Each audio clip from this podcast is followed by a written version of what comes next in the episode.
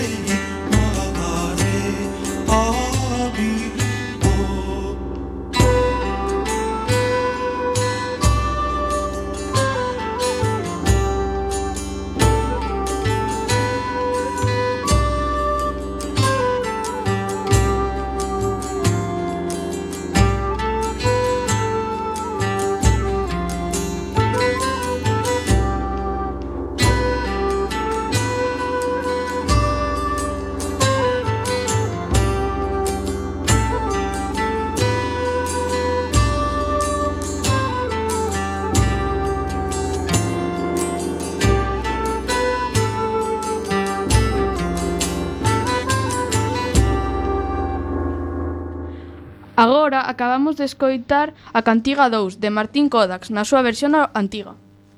Sabe, sabedes, outra gran autora dentro do mundo do romanticismo foi a benquerida Rosalía de Castro, unha das autoras máis representativas da nosa terra, no século XIX. A súa obra, tanto en galego como en castelán, ten moita relevancia a nivel europeo. Podémola considerar Unha autora realista xa que ten obras acerca do feminismo e do seu pensamento político e social. Sen embargo, Rosalía destaca polos seus poemas románticos, como por exemplo Amores cativos. Era delor e era cólera, era medo e aversión, era amor sin medida, era un castigo de Dios. Que uns negros amores de índole pezoñenta que probas espírito, que turban as conciencias, que mordense a acarinan, que cando miran queiman, que dan dores de rabia, que manchan e que afrentan. Mais vale morrer de friaxe que quentarse a súa fogueira.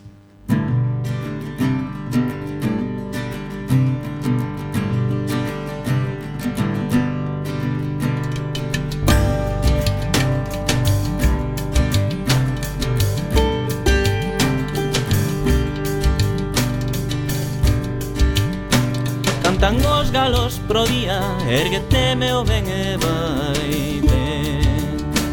Como me dir queridiña, como me dir e deixarte. Deses teus olliños negros como doa relumbrante. As tras nosas mans unidas, as vagoas ardentes caen. Como me dir si te quero, umidi de deixarte? Si ca lingua me desbotas e co corazón me atrae. Nun curruncho do teu leito cariñosa me abrigaste O teu manso caloriño os fríos pes me quentache. Eh, e daqui juntos miramos por entre antro verde ramaxe Calía correndo a lúa por enrique.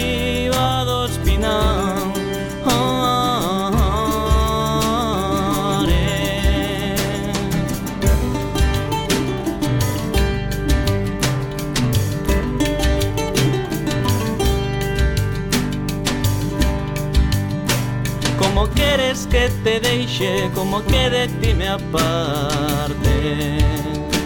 Si máis que o mel eres doce e máis que as froles suave Me guiño, me guiño, meigo, meigo que me enamorache. Vaite de onda min, me guiño, antes que o sol se levante. Ainda dorme queridiña Tras ondiñas do mar Dorme porque me acariñes E porque amante me chame. E daqui Xuntos miramos Por antre Antro verde Calía correndo a lúa Por enriba do espinal oh, oh, oh, eh.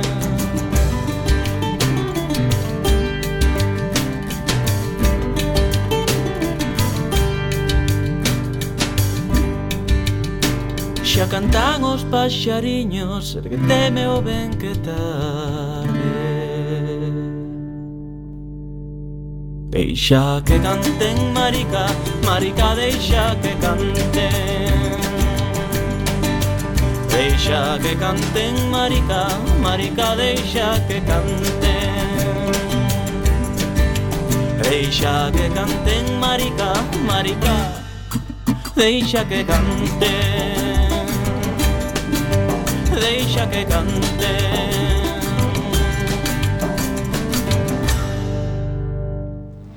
Acabamos de escoitar a Fuco Xavier con Cantan os galos pro día, de Rosalía de Castro. Outra figura importante galega é a de Castelao. Este autor do principio do século XX é un referente dentro do nacionalismo galego. Xunto coas súas obras escritas tamén elaborou ilustracións para enriquecer a lectura. Este autor pertence á famosa e destacada xeración Nos. Dentro da súa obra destaca Cousas, Gracias a esta obra podemos entender como vivían e entendían a vida a sociedade da súa época. É unha obra chea de crítica e sátiras, combinadas con humor. Mencionamos a Castelao no noso programa, xa que, ademais de destacar nos temas políticos, tamén tivo un puntino romántico na súa vida. Un exemplo deste romanticismo é Sabela. Música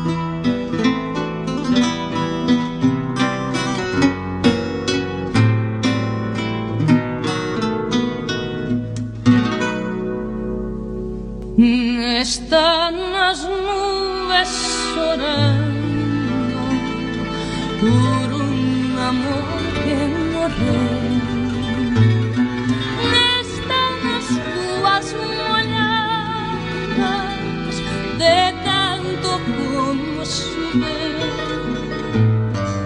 Están las nubes orando por un amor que morre.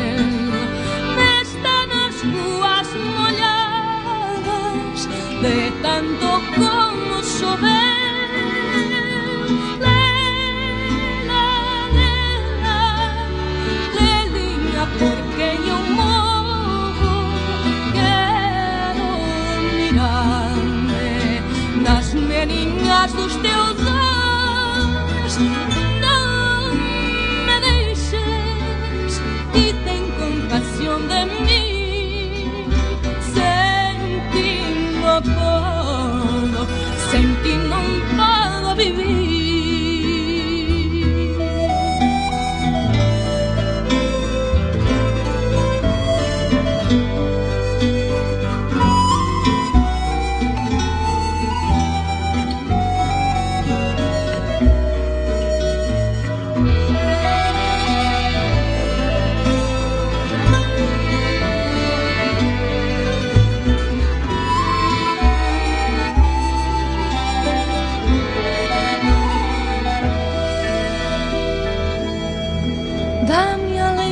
as tuas palavras, dá-me a cena do teu coração, dá-me lume com as tuas miradas, dá-me vida com teu doce amor, dá-me alento com as tuas palavras, dá-me cena do teu coração, dá-me lume com as tuas miradas, dá-me vida com teu doce amor, dá-me lume com as tuas up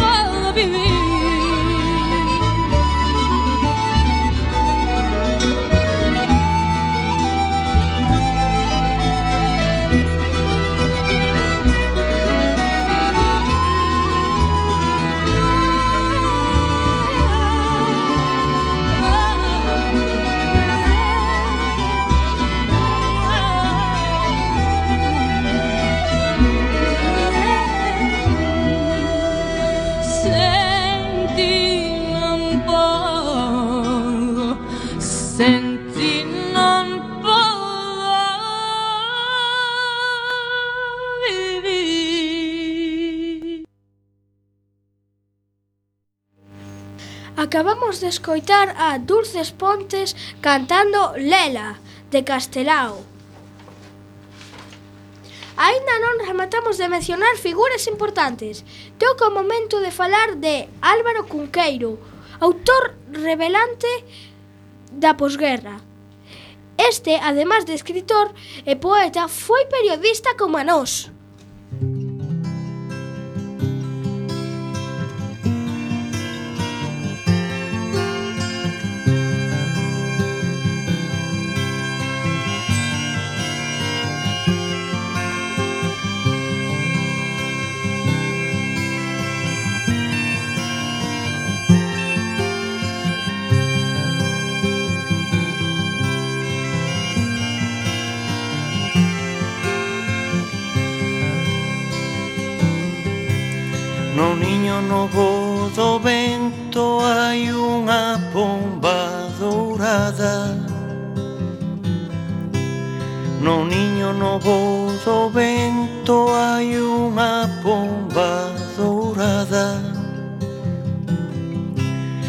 puidera namorala Quen puidera namorala Meu amigo.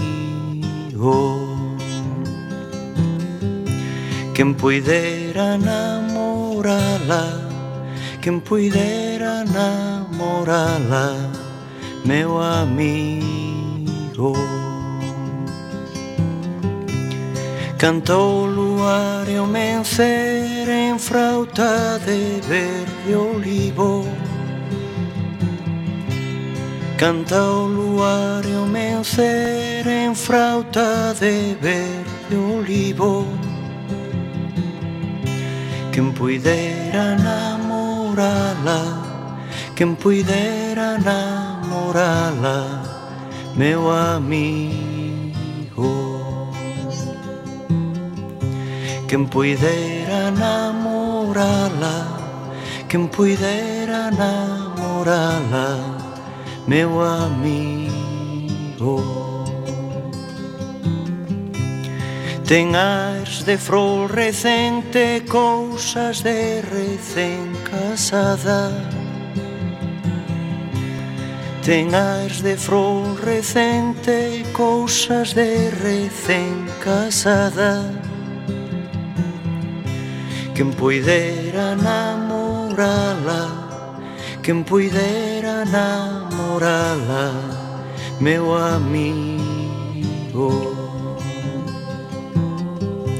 Quen poidera namorala Quen poidera namorala Meu amigo. Tamén ten sombra de sombra e andar primeiro de río. Tamén ten sombra de sombra e andar primeiro de río. Quen puidera namorala Quen puidera namorala Meu amigo. Quen poidera namorala Quen poidera namorala Meu amigo.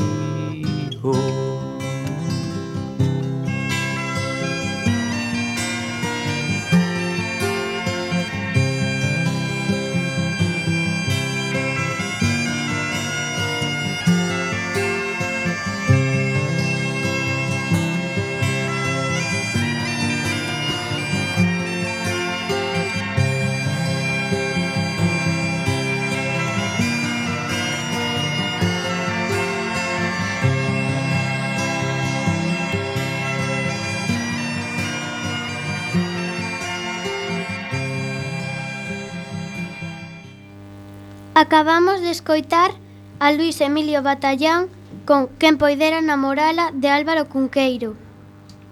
Manuel María, pola súa banda, foi un escritor nado en Outeiro, de Rei, Lugo, e autor tanto de obras, poe de obras poéticas como dramáticas, entre as que destacan Os soños da gaiola, o libro das ban bala da badaladas ou versos de lume e vagalume. A nosa compañera Carla vai nos contar unha das súas poesías. O noso amor é vencer, tamén solpor, escuridade da noite e luz do día, liceiros de atinlante que nos guía a un universo senlleiro e tentador. Non é soidade de amor, melancolía, brilante, sobrehumano resplandor. É ver o fondo, calado terrador, que, urxentemente, exixe compañía.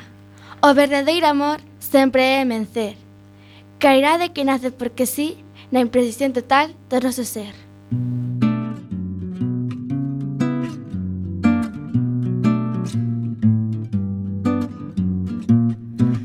A terra fai sentir saleta sotileza, chama apaixonada e transparente, levida de neve, torrente forza, de seiva poderosa.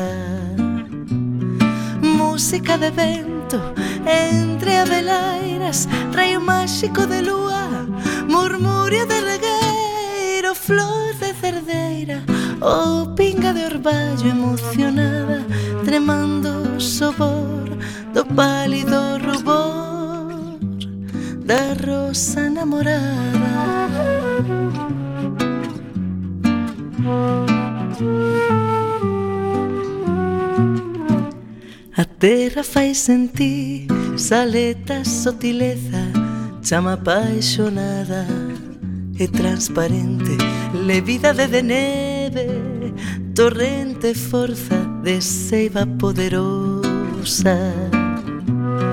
Música de vento entre avelairas Rayo máxico de lúa, murmurio de flor de cerdeira Ou pinga de orballo emocionada Tremando o sobor do pálido rubor Da rosa enamorada Da rosa enamorada Da rosa enamorada.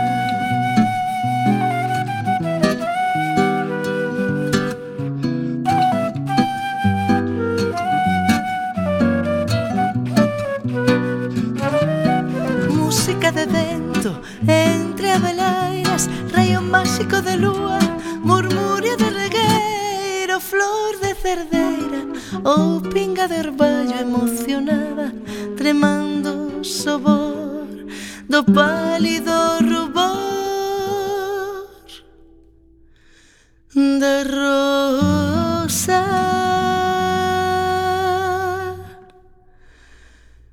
namorada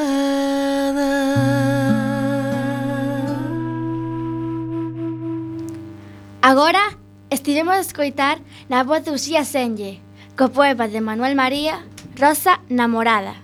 Mirade, chicos, Manuel Rivas é un veciño noso de Coruña.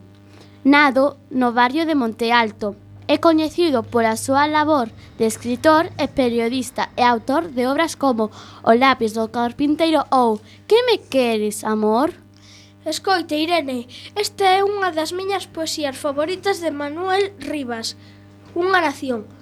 Muller tan lonxe, coma o nome tatuado no antebrazo dun xogador de billar. Muller tan misteriosa, coma corazón de nav navalla na, na, na lameda. Muller tan linda, coma foto de raíña na fogueira dun vagabundo. Muller tan feiticeira coma pétalo nun libro de Emilio Brontë. Muller tan solitaria, nación inaccesible nos meus brazos.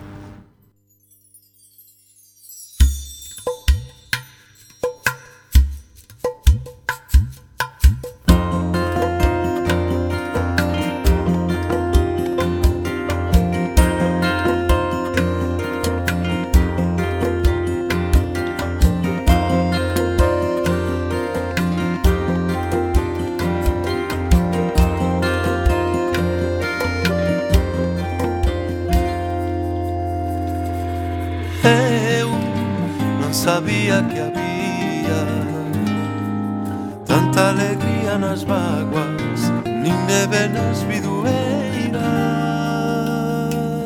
Tanta alegría nas vaguas Nin neve nas vidueiras Nin esperanza nas maguas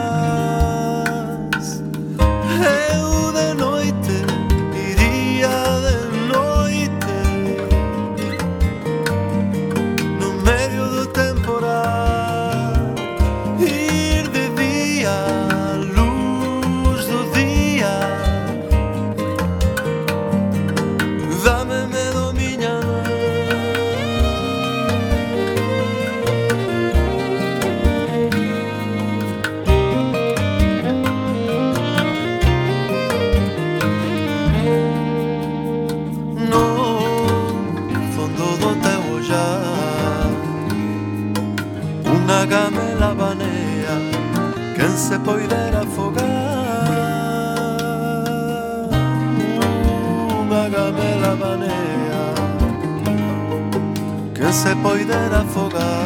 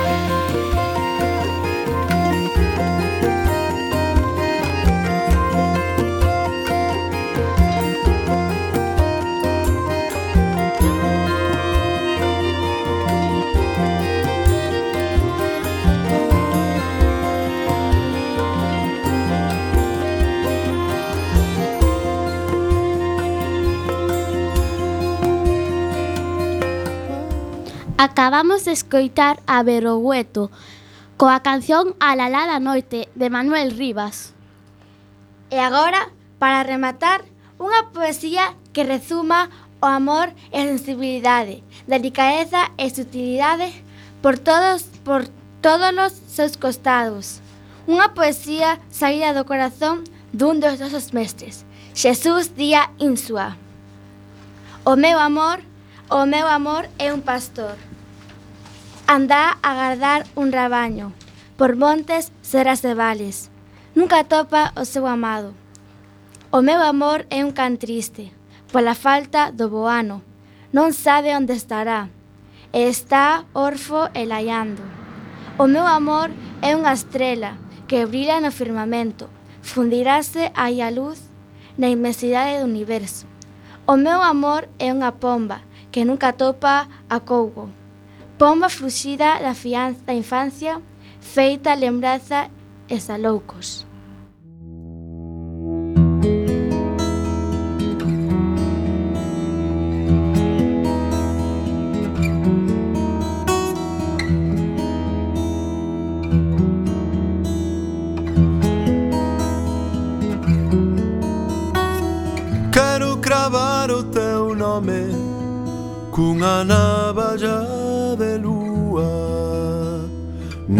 sotto osmuro da noite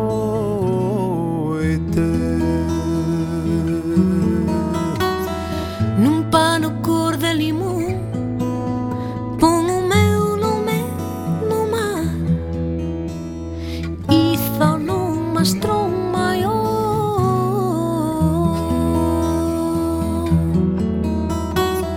Vou escrevi-lo na areia Com tintei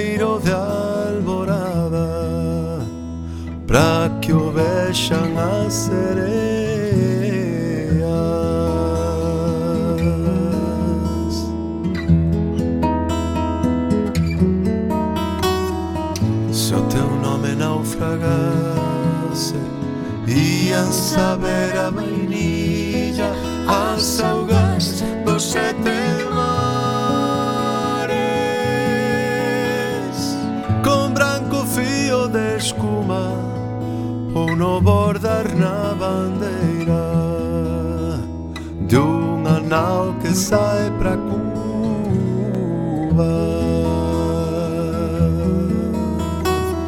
Pra Cuba não, meu amor, quero que venha o meu nome, pra ilha de coração.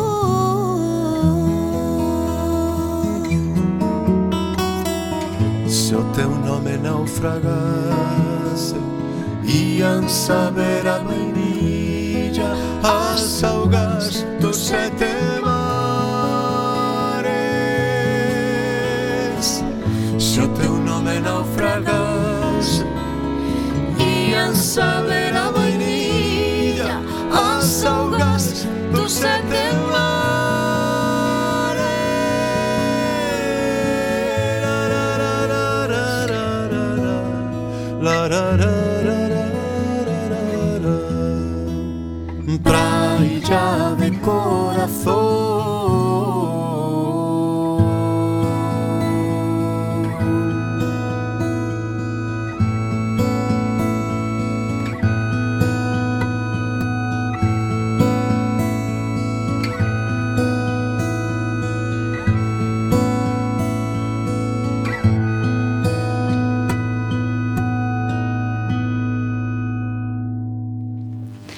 Acabamos de, de escoitar Teu nome por mar e por terra, de A cada canto.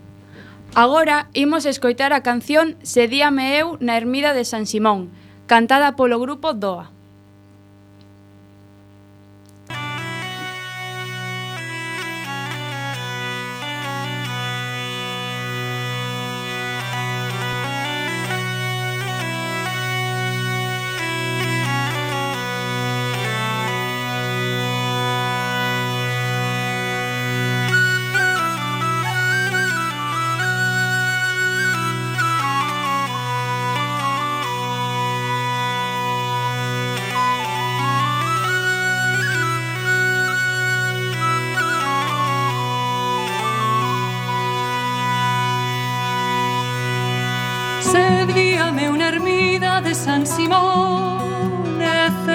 vexo minhas ondas que grandes son. Eu atendei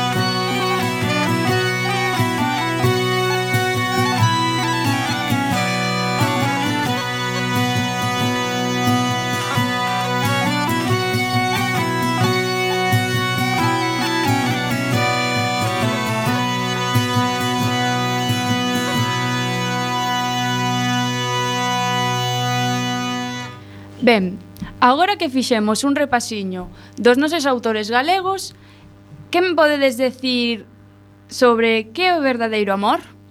Pois mira, para min o verdadeiro amor é non só eh, mirar para medio físico das persoas, uh -huh. senón polo interior, o corazón, senón eh, como é, eh, a súa mentalidade, pero tamén eh, O verdadeiro amor pode ser entre familiares, entre amigos...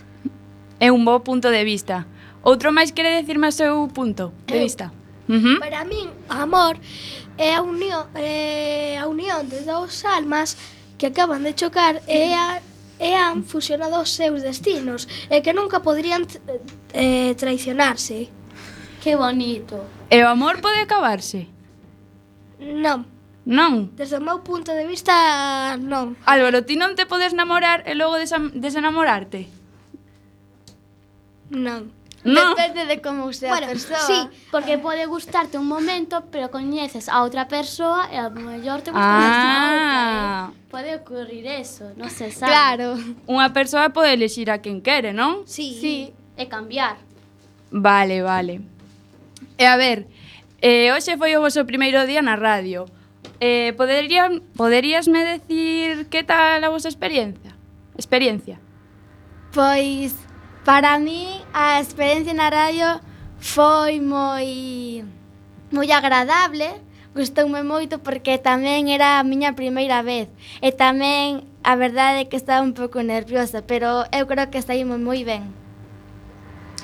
Eh, a min ao principio estuve un pouco nervioso, pero eh, cando empezamos a falar eh, se me quitaron dos nervios e eh, gustoume moito a experiencia. Soltaches, non? Sí. Mm. Eu tamén estive nerviosa, pero cando vin que estaban os meus amigos do cole, xa se me foron, se me foron os nervios, entón xa me quedei máis tranquila. Álvaro, ti que tal na radio? Eh, moi ben, pero estive un pouco nerviosa de Un pouquiño, non? Un pouquiño. Todo o sí. mundo por, por a primeira sí. vez. Claro, e pensaba que iba a facer mal. É totalmente normal. Bueno, agora imos escoitar a canción Vos Amores, baseada nun poema de Rosalía e cantada por Narf, guitarrista de rock galego que, morrera, que morreu hai pouco e a quen lle rendemos homenaxe dende aquí. Música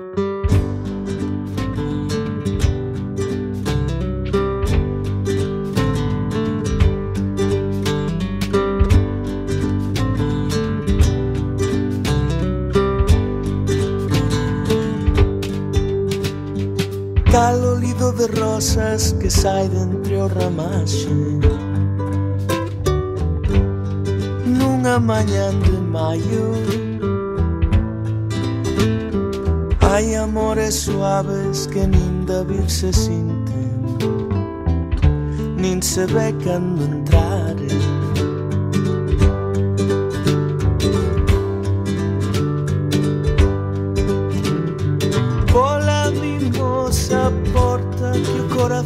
les ser Cal se abre no agosto a flor, orvalho da tarde.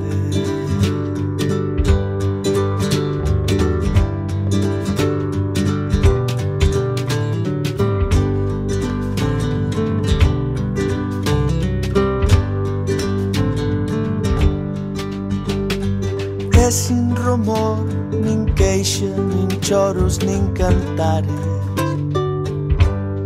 brandos así es saudosos,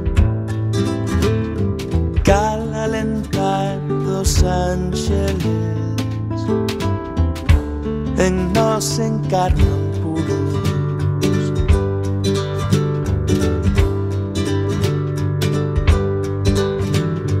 Corren con nossa sangre y usted Of a death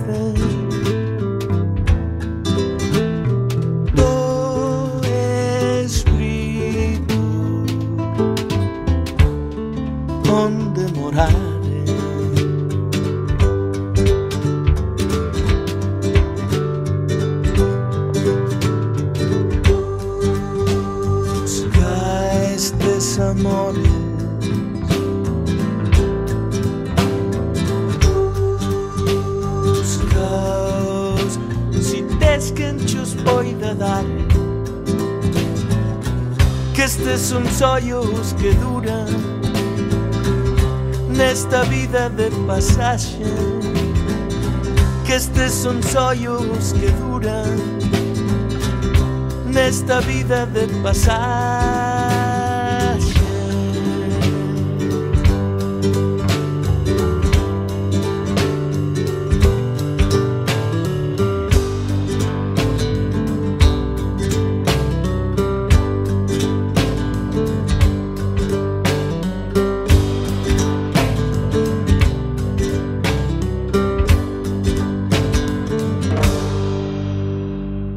Xa estamos a rematar o programa, o programa.